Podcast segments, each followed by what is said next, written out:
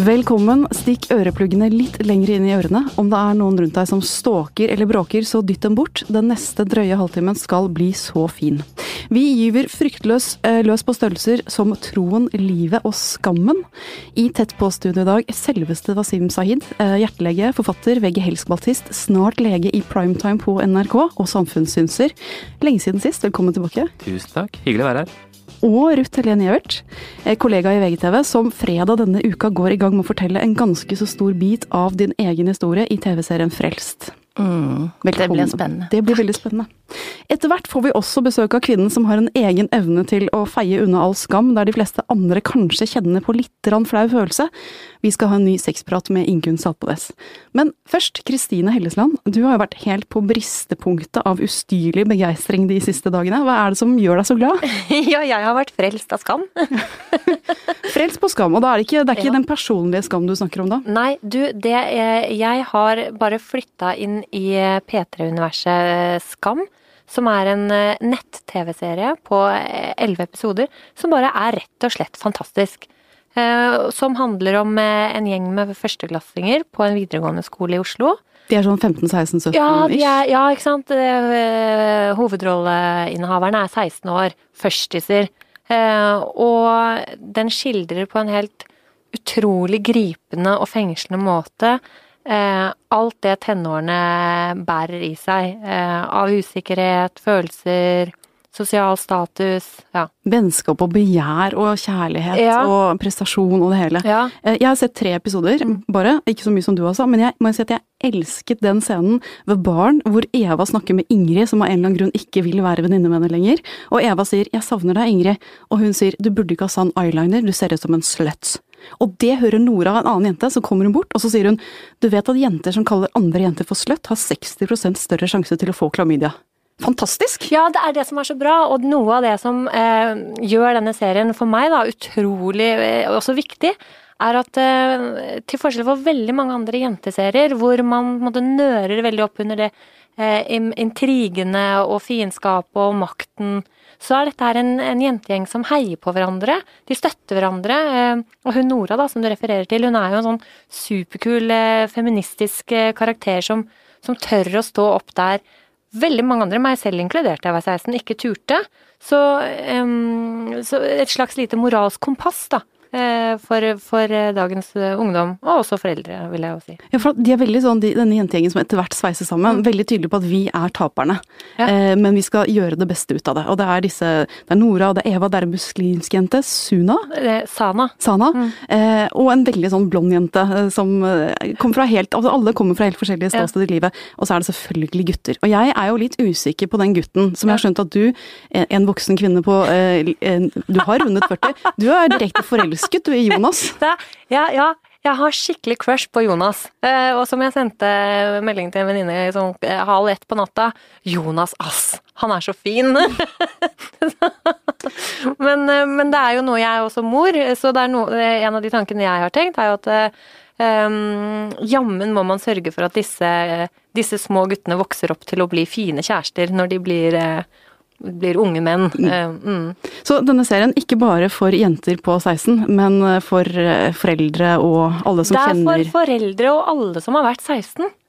For å ta deg tilbake til å vite hvordan det er. Ja, se den. Det er min, mitt tips for helgen. Ja, det tar jo ikke mange sekunder før du føler den forferdelige følelsen av skam. Du deler den så fort med hun Eva.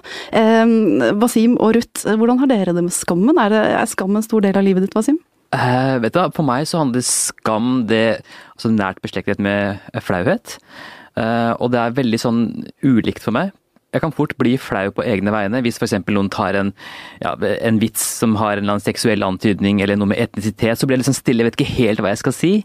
Uh, på den annen side, i min jobb som lege, så kan jeg prate om hva som helst med pasientene, om de mest intime tingene, og uten å tenke eller føle noe spesielt over det kle av pasientene når det er nødvendig, og det er på en måte en helt naturlig del av jobben. Så, men hva, hva er liksom ja. det flaueste man kommer med? Altså Som pasient har man en følelse av det, men hvis, eh, i, i, grad av flauhet, er det gynekologiske problemer? Er det mer sånn jeg tror kanskje jeg har fått neglesopp, som også er forferdelig ekkelt? Ja, altså det er jo ting som eh, er litt sånn stigmatiserende. For eksempel, mange syns det er litt flaut å ta opp ting om kjønnssykdommer. Eh, jeg hadde nylig en pasient som hadde skabb, som er jo litt sjeldent egentlig. Men eh, det er også litt sånn stigmatiserende, for da får man kanskje et inntrykk av at man ikke har hygiene helt i orden og sånne ting, selv om det egentlig ikke har noe med det å gjøre. Mm. Men eh, litt sånne ting de er ofte flaue for pasientene. Men som lege vil jeg si ikke vær flau, kom med det. Vi er der for å hjelpe. Mm. Hva med deg, Ruth? Du, akkurat nå om dagen er det jo veldig spennende, for nå skal jeg fortelle om min eh, fortid og min eh, oppvekst i et eh, veldig sterkt religiøst miljø. Så jeg kjenner jo på mye spenning knytta til hva respons en får når en går ut med en sånn historie. Um, for du gir bort noen sårbare og følsomme ting, da? Ja, man gjør jo det. Mm. Men jeg husker òg at, at, jeg kjente mye på skam når jeg var 16-17 år, sånn som disse jentene i serien. Men på helt andre måter, fordi at eh, den type ting som de befatter seg med, der det var ikke noe som vi skulle være noe opptatt av. Vi skulle være opptatt av Gud, av Bibelen, av Den hellige ånd, av å be. Så jeg har helt andre minner fra eh, den tiden faktisk enn det som er i den TV-serien, ja. Mm. Vi skal, vi skal, snakke mye mer om det, men eh, Wasim, jeg ville begynne med deg. fordi at eh, Du er jo fast baltist i VG Helg, og, og forrige uke så skrev du om troen og livet, rett og slett. For det siste halvåret så har du fordypet deg i kunsten å leve skikkelig lenge. Mm. Jeg har jo nylig gitt ut en bok som heter Hemmeligheten. Slik lever du lenge og godt. Og I arbeidet med den boka så studerte jeg en del eh, befolkningsgrupper som lever spesielt lenge, og prøvde å finne ut hva det var de gjorde som var så spesielt. Og det var visse eh, fellestrekk som gikk igjen da dette her med å ja, spise grønnsaker, spise mindre kjøtt, være fysisk aktiv, ha gode sosiale relasjoner, le mye. De åpenbare tingene? De åpenbare tingene. Det var ikke så veldig overraskende. Det er mye støtte i forskningen på de tingene der. Men så fant jeg også ut at de fleste mennesker som ble 100 år, de hadde en sånn åndelighet. De hadde en religiøsitet. De hadde en gudstro. Eh, og det gikk igjen selv om dette her var mennesker som befant seg på helt forskjellige steder av eh, kloden og hadde helt ulike religioner. Noen hadde naturreligioner, hadde andre kristendommen. Men dette med religion gikk igjen. Og eh, for meg som ikke lenger er troende, var det en eller annen gang, men det, det var på en måte en del av livet som, som er tilbakelagt. Så ble jeg jo først litt nervøs, da. At hvis det er gudstro som er hemmeligheten bak et langt og godt liv, så ligger jeg kanskje litt dårlig an. Mm. Men eh, jeg fant jo fort ut at eh, det var jo fullstendig rasjonelle og logiske årsaker til hvorfor disse menneskene eh, ble så gamle og hadde det så godt, og at det er også noe som vi ikke-troende kan lære av og nyte av. Mm. Du har jo vært, eh, som du var inne på, i et veldig troende miljø. Du ble født mm. inn i eh, trosbevegelsen, som er en skandinavisk eh, kristen bevegelse. Ja, den finner du vel egentlig i ganske store deler av verden, men eh, jeg kjenner jo til den skandinaviske delen av det. Mm. Mm. Uh, og da du var 20 år, så tok du på en måte steget litt lenger, for da meldte du deg inn i Jesus Revolution Army. Yes! Det høres jo veldig militant ut. Du, det skjønner jeg godt at du syns. Dette her var en, en bevegelse som engasjerte eh, unge mennesker eh, fra hele landet, fra masse forskjellige menigheter egentlig, med en visjon og et mål om å forkynne evangeliet til Europas ungdom. For å se en revolusjon intet mindre. Mm. Dere skulle frelse verden, ikke bare lokalmiljøet, men ut og misjonere? Ja, vi skulle ta misjonsbefalingen på alvor. Mm. Altså at hvis det faktisk var sånn at dette var veien til Gud, så var det ingen grunn til å sitte hjemme og spise chips og mm. slenge i sofaen. Da måtte man ut. Og dette var jo ikke noe stillferdig gruppe, selvfølgelig. Eh, da er vi mer sånn over i det som man ser på TV fra amerikanske menigheter. Det var mye sånn, høyt volum og store armbevegelser. Absolutt høy musikk og mye svai fram og tilbake til heftige rytmer. For Jesus. Jeg tenker altså Når jeg ser eh, særlig film fra sånne miljøer, at de virker så utrolig glade alle sammen. Var det var det, det som, som, fikk deg til å ville være en del av det? At man ser så lykkelig og vellykket ut i den type miljøer? Du, Det er veldig interessant eh, at du tar opp. fordi at det er klart at Når du er ung og du lar deg rive med, du lar deg begeistre, du vil gjøre en forskjell, og du i tillegg kan få lov å være i et miljø som er så kult, som det jeg opplevde at det var som en ung kristen eh, på den tiden, så, eh, valg, ble valget veldig lett for meg.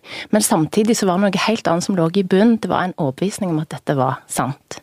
Dette var veien, sannheten og livet. Mm. Sånn at motivasjonen lå nok på et helt annet plan enn alt det der du ser i det ytre. Mm. Men da du gikk inn i det, altså vi startet jo med å snakke om skam. Som en liten jente på en vanlig barneskole, eh, den kristne jenta i klassen, kunne du føle litt mm. skam over det òg? Var det en sånn annerledeshet der som, mm. som, du på en måte ble kvitt da du kom inn i den um, revolusjonshæren? Ja, der kunne jeg jo på en måte bare senke skuldrene og slå meg løs og leve ut det jeg trodde på å synge høyt halleluja uten å være flau, ikke sant? For det var jo på skolen. Det er klart jeg følte at jeg var annerledes, og det var nok eh, kanskje også vanskeligere for meg enn jeg var villig til å erkjenne sjøl eh, på den tida. Men vi var veldig Vi ble oppfordret til å være veldig sterke, frimodige i troen vår, så vi var veldig opptatt av at vi faktisk ikke skulle føle på skam for det vi trodde på. Mm. Eh, Wasim, du sa jo at du også har hatt en tro, men forlatt den. Eh, var, den like, var, det like store bevegelser med den troen som du hadde? Ja, altså det var Jeg er jo oppdratt i en religiøs familie, og eh, klart når du blir oppdratt med en religion, så er det det som er det normale. Det er det som er den standarden som du sammenligner alt annet med. Så det er det som er det selvfølgelige. At det at det eksisterer en gud, at du skal tilbe denne guden, at denne guden har skapt alt sammen, og at du skal gjenoppstå etter døden og bli dømt av denne guden. Eh, når du har trodd på det, blitt fortalt det helt fra du er liten, så er det et selvfølge. Det er ikke noe du stiller spørsmålstegn ved. Altså, det er akkurat som om vi vet at tyngdekraften, når vi slipper et eller annet, så vil den falle. Alle vet det. Like selvfølgelig er det for en troende at det eksisterer en gud. Mm. Like naturlig er det. Um, så, men for meg så var det helt fra jeg var liten, så syns jeg det var på en måte noe som ikke stemte med den religiøse uh, virkelighetsforklaringen. Um, jeg fikk det ikke til å gå opp at det skulle være en, sånn uh, overmakt som sto bak alt sammen, slik denne var beskrevet i uh, skriftene i, i ulike hellige bøkene. Så jeg var alltid skeptisk til det, men når du er omringet av så mange andre mennesker som er så sikre i, tro, i sin tro, så begynner du å eh, tenke at ja, det, er, det, kan ikke være sånn at alle andre har tatt feil og, eh, og jeg har rett.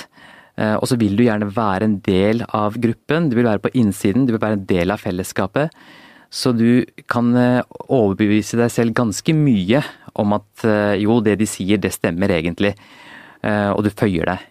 Og for min del så var det sånn at jeg eh, prøvde å bli mer religiøs. Jeg prøvde å være mer praktiserende. For det var noe jeg hørte, at hvis du er i tvil, så er det fordi du praktiserer ikke nok, du er ikke sterk nok i troen. Så jeg prøvde å bli sterkere. Prøvde å be og virkelig ha de praktiske aspektene ved, ved religion.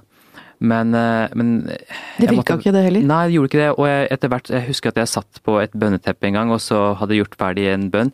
Så sa jeg til meg selv hva er det du driver med egentlig? Altså, du, du tror jo egentlig ikke på dette, nå må du, nå må du være ærlig mot deg selv. Uh, og, og, gradvis så på en måte så, så måtte jeg um, akseptere den tvilen jeg hadde, og, og tørre å um, utforske den tvilen mer. Og tørre å stille de spørsmålene. Um, og det falt jo da fra hverandre. Når du, når du, først begynner å stille de spørsmålene om en sånn tro, uh, så faller det ganske fort fra hverandre. Mm. Og det gjorde de jo for meg også.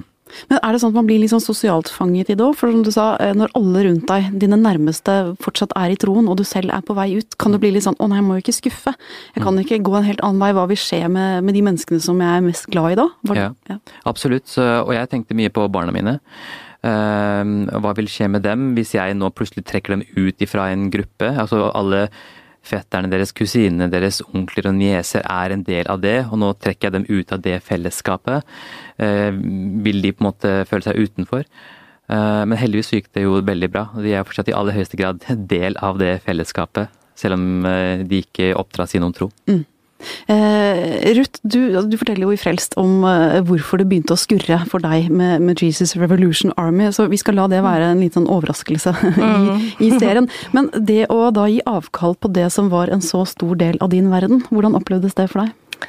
Åh, totalomveltende. Mm. Skjedde det fort, eller skjedde det sånn eh, bang over natta? Ja, det både, både og. Fordi at jeg slutta veldig brått. Men eh, reisen i, som du foretar på innsiden etterpå, er veldig lang og omfattende. Det er snakk om verdensbildet ditt, det er snakk om menneskesynet ditt, det er snakk om verdisettet ditt. Det er snakk om hele livsgrunnlaget ditt. Det var å begynne på nytt igjen. Og jeg forteller litt om hvordan det opplevdes i, i serien Frelst. Men, men, sånn som jeg levde i Jesus Revolution ganske isolerte egentlig fra andre mennesker rundt, bortsett fra de som vi misjonerte for. Så sto jeg ganske på bar bakke når jeg gikk ut derfra. Så det opplevdes ensomt? Ja, jeg har hatt gode folk rundt meg, og det er jeg utrolig takknemlig for. For jeg vet ikke hvordan det hadde gått uten. Men det er klart det var en indre opplevelse av tomhet og, og fortvilelse. Ja. Ja, for når man er på innsiden av den type trossystem, så er det vel noe med at man har noen svar. Man har noen vegger i mm. livet som man ikke har når man går ut. Altså du vet, ja, du vet hva som er meningen da, om at du er på jorda? Mm. Ja. Det er nettopp det. Altså, vi, vi, eh, vi sa at vi hadde svaret, og, og, mente at vi hadde svaret. Jeg, jeg kjenner meg veldig godt igjen i det Ruth sier her. Jeg kjenner på de følelsene, for jeg hadde mye av det samme. Uh, mange har jo spurt meg ja, hva, hva, følte du da du på en måte mistet troen? Og jeg syns det er vanskelig å svare på, for det var ikke én følelse, det var en hel myriade med ja, følelser. Alt, alt fra glede og spenning over å oppleve noe nytt, litt sånn tabu, til nervøsitet, frykt, angst, en eksistensiell krise. Uh, fordi det er som du sier, alle tingene du har holdt som helt grunnleggende sannheter hele livet ditt, når de plutselig blir borte, så er det jo egentlig et tap. Du oppleves som et tap. Det er litt sånn skuffende og det er litt trist.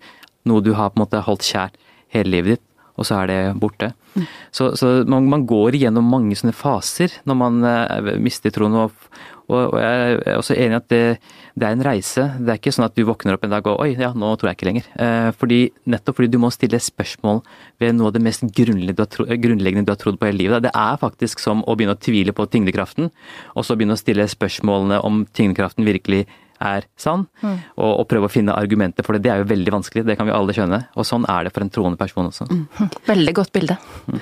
Men altså, Man tar store valg i livet. Jeg vet ikke hvordan dere har det, men jeg har det i hvert fall sånn at jeg kan ta det valget. Eh, og så etterpå, selv om jeg kan være ganske trygg på at det var riktig, så får jeg 999 spørsmål som jeg er nytt til å diskutere med meg selv om det faktisk var riktig. Og jeg forblir jo ikke overbevist. Eh, har dere litt på samme måten? Kan dere av og til liksom tenke at oi, hva om jeg tok feil? Hva om jeg er liksom på vei ut i full fortapelse? I begynnelsen så hadde jeg det sånn, eh, da jeg på en måte virkelig begynte å være ærlig med meg selv og innså at jeg ikke var troende lenger, så hadde jeg stadig sånne faser hvor jeg tenkte eh, ok, kanskje leste f.eks. et vers i Koranen som, som, handlet et eller annet med at ja, de, de ikke-troende vil jo ikke tro. Så tenkte jeg oi, det står jo der, de har jo forutsett hva jeg kommer til å gjøre nå. Så jeg hadde mye sånn frem og tilbake, men til slutt så, så skjønte jeg at dette var psykologiske mekanismer. og um, Så nå er jo ikke jeg der i det hele tatt hvor jeg har noen, noen tvil om at det kanskje er sant likevel. Mm. mm. Hva med deg, Ruth? Har du angret på at du gikk ut? Nei, jeg har nok aldri eh, gjort det. Um, det var I serien Frelst går vi inn på forskjellige aspekter ved det å være en del av et sånt uh, miljø og en tro som er så altoppslukende og omfattende. Og, og der er det jo også det som, som, du sier, det læren og det bønnen og det er så mange ting da som egentlig er bygd inn i ryggmargsrefleksen. Ehm, sånn at eh, ja, man får, man får, en del sånne tanker med seg selv. man må gå mange runder. Mm. mm. Men det er spennende òg. Men tilbake til ditt vitenskapelige prosjekt og tro, da, Wasim. Altså, mm. du, du ser, ser, noen felles altså Dere har jo vært i hver deres religion, har hvert, vært, deres system. Tror du, hva tror dere dere hadde felles når dere var på innsiden? Jeg tror det å ha en tro, i hvert fall hvis man skal se det opp mot det å, den effekten det har på helse, da, eh, den positive effekten, så er, så er, det flere ting. Eh, det ene er at eh, du føler en ro, en trygghet. Eh, at du er del av noe. At det er en mening bak din eksistens. Du er skapt med et formål. At det er en høyere makt der oppe som passer på det. Og at du kanskje har et liv til etter døden. Du trenger ikke være redd for å bli syk og dø. Det kommer kanskje et evig liv etterpå som er veldig godt. Det er noe som reduserer stress fra kroppen. Mm og, og, som kan ha positive effekter. Og så er det det at du er eh, del av en menighet, et fellesskap hvor folk gir hverandre emosjonell støtte, eh, en skulder å lene seg mot når du har det vondt, eh, som kan hjelpe deg økonomisk hvis du sliter. Det er jo en voldsom sånn solidaritet ofte i, i disse trossystemene, i gruppene. Og så er det også det at troende mennesker, kanskje fordi de har en sterkere tendens til å ha en sånn pliktetikk, eh, følger regler. Mm. De er, eh, og vi ser jo det at troende mennesker har generelt gode eh, vaner. De er drikker ikke så mye alkohol? Ja, de drikker mindre, de røyker mindre, eh, spiser sunnere. Driver mer med veldedighet, som vi også vet har en positiv effekt på helsen. Det er mindre hjerte- og karsykdommer? Ja, det er mindre hjerte- og karsykdommer blant de troende. Mindre psykiske sykdommer. Men det er jo ikke fordi at de får en belønning fra en eventuell gud fordi de tror. Det er jo fordi at dette her er gode ting. Dette her er ting som er fornuftige å gjøre. Eh, og som alle vi, også da frafallende og ikke-troende, kan implementere i våre liv mm. og dra nytten av. Mm. Men du siterer jo en studie som jeg syns er kjempegøy. Eh, det viser at folk som går i kirke eller et religiøst forsamlingshus én gang i uka, mm. lever betydelig mye lenger enn de som aldri gjør det. Eh, er det, er det, noe med at man evner å ikke være så egoistisk i livet? Liksom, er det noe med at ens egen eksistens settes i perspektiv, eller er det noen helsebringende effekter av det òg? Ja, det, det, kan det også være, og jeg tror det er liksom det å Du har en struktur på livet. Hver søndag så gjør du det. Du går og møter meningsfeller, folk som tenker som deg, som støtter deg. Det er jo hyggelig. Eh, jeg kan jo si at det å f.eks. gå på fredagsbønnen er noe jeg kan savne.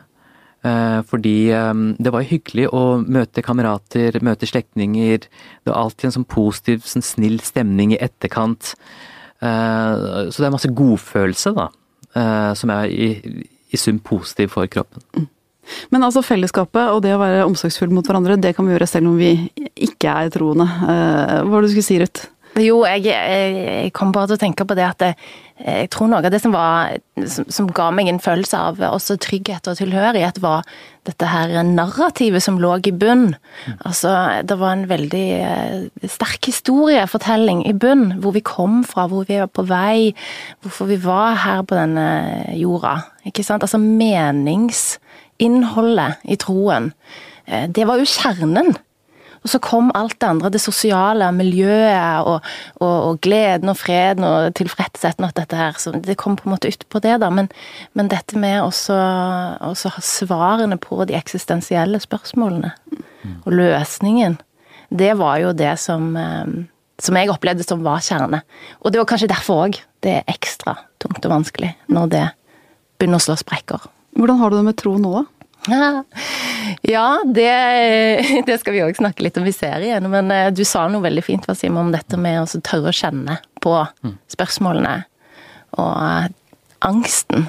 Eh, og tvilen. Jeg vokste opp med at tvil egentlig ikke verken var så veldig interessant eller smart. Fordi at det sto i Bibelen at tro var full overbevisning om det du håper på, og full visshet om det du håper på, og overbevisning om det du ikke ser. noe sånt. Og, og, og, derfor skulle vi egentlig vite. Vi skulle være sikre og vite. Um, sånn er det ikke med mitt forhold til tro i dag. Det kan jeg si. Du tåler litt mer usikkerhet? Forhåpentligvis, ja. Mm. Du sa jo Wasim, at du fortsatt har et godt forhold til det miljøet som du var en del av mm. før. Eh, men har du funnet tilsvarende fellesskap og altså, den samme positive helseeffekten da også utenfor det trossamfunnet? Ja, altså jeg var jo utenfor det. Jeg var jo del av samfunnet. Det var jeg før også. Mm. Eh, kollegaer, venner, naboer. Eh, så det, det, har jeg jo fortsatt, eh, og det hadde jeg da også. Så akkurat det ble ikke forandret med dette. Jeg hadde venner som var hedninger og humanetikere og kristne og muslimer, og de har jeg fortsatt. Og de kommer også til å bli 107? Ja, hvis de gjør de riktige valgene. Tusen takk til dere. Da er troen ute av studio, for å si det sånn. Kristin Hellesland, det er rett og slett på tide med litt høytlesning? ja, fordi um, Ingunn og du og jeg, Marte, vi har jo planlagt litt hva denne praten skal handle om i dag. Vi diskuterer frem og tilbake. Ja. Hvilke områder av sex skal vi gå inn på? Hjelpe meg. Ja. Og da uh, sender Ingunn på tampen uh, av temaet, så sier hun til uh, da deg og meg, Marte. PS. Vi kan godt tøyse litt med mitt kliniske språk. Sexologer mener ofte at man skal si fitte, kuk og pikk med den største selvfølgelighet, men for meg er ikke det naturlig. Oh. og, da, og, da, tenker jeg sånn, Marte. Det er jo en rolle du, du kjenner faller naturlig for deg, eller? Vet du hva? Hvis det hadde vært en temperaturmåler inntil huden i ansiktet mitt nå, så hadde vært, jeg hadde vært lagt inn for akutt feber, for jeg får helt angst. Du mener altså ingen vi skal oppfordre deg til å bruke litt mer sånn direkte kjønns, kjønnsord? Sånn da. Altså, ja, Hvis dere nå kunne liksom være sexologene på en måte da, som utfordrer meg litt. For ofte er det jo jeg som skal utfordre dere, eller folket. Men akkurat på dette området så kjenner jeg vel at jeg kommer litt til kort. Jeg blir jo flau bare å sitte i kontorlandskap med deg. fordi at du tar jo, Vi sitter i åpent landskap, ikke sant. Jeg sitter ikke så langt unna deg. Du snakker litt høyt. Og av og til, så, ganske ofte faktisk, så har du sånn telefoner sånn Ja, hva sier du er gjennomsnittslengden på en klitoris, da? Ja, er det 13,5? Jeg holder på dette stolen. Det var en skjede. men, eh, en, jo, men, eh, men det Nei, nå kommer jeg på vidda. Men eh, det er jo veldig morsomt det med klitoris og i forhold til en sak som jeg holder på med nå. Fordi ny forskning viser jo at det er utrolig viktig at den blir fullt erigert. Og at man må holde på i 30 minutter helst. Den lange, lange klitorisen? Ja, for å få, få, få den oppsvulmet helt inn til den innerste rot. Ja, nettopp. Men til dagens tema, Marte. Til dagens tema. gi hverandre komplimenter i senga. Hva mener du med det, Ingunn? Skal vi liksom begynne å skryte noe helt sånn voldsomt verbalt også, da? Om det som foregår der? Ja, altså jeg mener at det er en veldig fin måte å virkelig gi hverandre komplimenter på, da. Fordi eh, hvis vi tar mannen først, så vet vi da at mannens forhold til penis, både i forhold til størrelse, eller i hvert fall at han skal da være fornøyd med den selv, eh, og funksjon er utrolig viktig og henger tett sammen med hans eh, selvfølelse og selvtillit. Han trenger penisskryt? Ja, jeg tror det i hvert fall kan bidra veldig positivt. Eh, sånn at, eh, at hvis man da under akten kan gi, gi komplimenter for utseendet, eller hvordan han bruker den, eller eh, at han rett og slett er flott, og gjerne liksom akkompagnert med litt stønn og ekte begjær, selvfølgelig, så, så mener jeg at det vil være direkte helsebringende. Men altså, eh, ja. Eh, å gud, så fin hm, eh, du har. ja, det, det kommer litt tilbake til dette igjen, for jeg ville jo sagt penis. Men, men det er det jeg mener at noen syns kanskje det blir altfor klinisk. Ja, det er litt sånn inn på legekontoret. Ja, så, ja. Det, så, så, så det er jo litt interessant, altså jeg tenker at man kanskje må, med partneren sin må diskutere litt hvilke ord eh, og synonymer for kjønnsorganer man føler er naturlige og hyggelige og koselige å få. Mm. Men hvis man da eh, er, er, i aksjon der, eh, og så har man ikke lyst til å, å bruke liksom det direkte sexologordet, da, eller du vil ikke høre 'så fin fitte du har', eh, hvordan kan man gjøre det? Altså, må man dit, eller finnes det omskriving? Kan man si sånn 'så fin blomst du har mellom bena'? Det er jo det er også helt den, forferdelig. Den er, den, er altså, den er på en måte den er like den er like skummel på samme vis som uh, fitteordet kanskje ikke er det mest uh, For meg, da, i hvert fall uh, tiltalende. Mm. Nei, altså jeg er jo veldig glad i de kliniske begrepene. Da. Altså Jeg syns jo penis og vagina er helt supre. Altså Det er veldig sånn nøytrale, presise ord. Eh, og altså det som er i forhold til å få høre at man har en veldig flott vagina, da. Si at man sier det. Så, så viser jo da eh, ny forskning stadig tydeligere at for kvinner så er det å ha god eh, selvfølelse og, det å ha et godt forhold til sin egen kropp utrolig viktig for å få orgasme. Men Inge, kan jeg spørre om en ting? Ja. Fordi du sier for, for, en fin vagina du har. Ja. Men hvilk, um, uh, hva er det kvinner er usikre på i forhold til den? Hvis du skjønner, Hvilken selvtillit er det man ikke har? Ja, jeg tror veldig mange lurer på om de er normale. Eh, eh, altså, jeg tror veldig mange helt ubegrunnet går og lurer på om de ser normale ut. For sannheten er jo at det er ekstremt stor variasjon, som er helt naturlig. Og det blir jo ikke noe bedre av at man hører om denne labiaplastikken. Da. Folk legger seg inn for å få klippet og sydd litt. Det er jo, Hva er det for noe? Ja, nei, jeg syns, det er helt grusomt. Jeg synes Det er helt grusomt. Eh, det er en kunstner som har laget et fantastisk kunstverk, hvor hun har tatt eh, avtrykk av en hel haug med vaginaer. Og det, eh, det er veldig flott. Det er helt hvitt. I hvit på en måte sånn gips eller ja. sånn. Um, der får du litt, se på en veldig sånn fin måte litt av den variasjonen som faktisk er.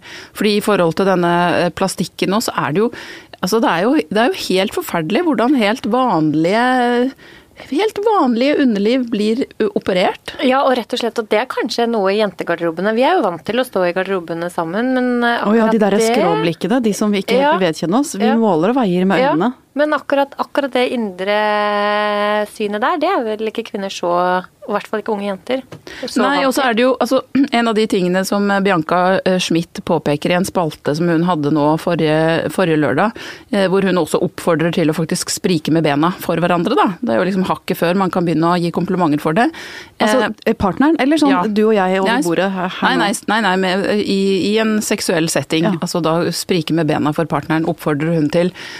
Så snart snakker hun jo om det at eh, gutter på en helt annen måte enn jenter får et naturlig forhold til sin penis. ikke sant? Den er på utsida, du, du, du, liksom, de vokser opp med et veldig naturlig forhold til å utforske den, og, og liksom Det blir ikke noen big deal. Mm. Mens for jenter så er det mye mer skjult. altså Det er ikke så vanlig, og, og liksom, du må til med speil, liksom. Det er ikke så lett tilgjengelig.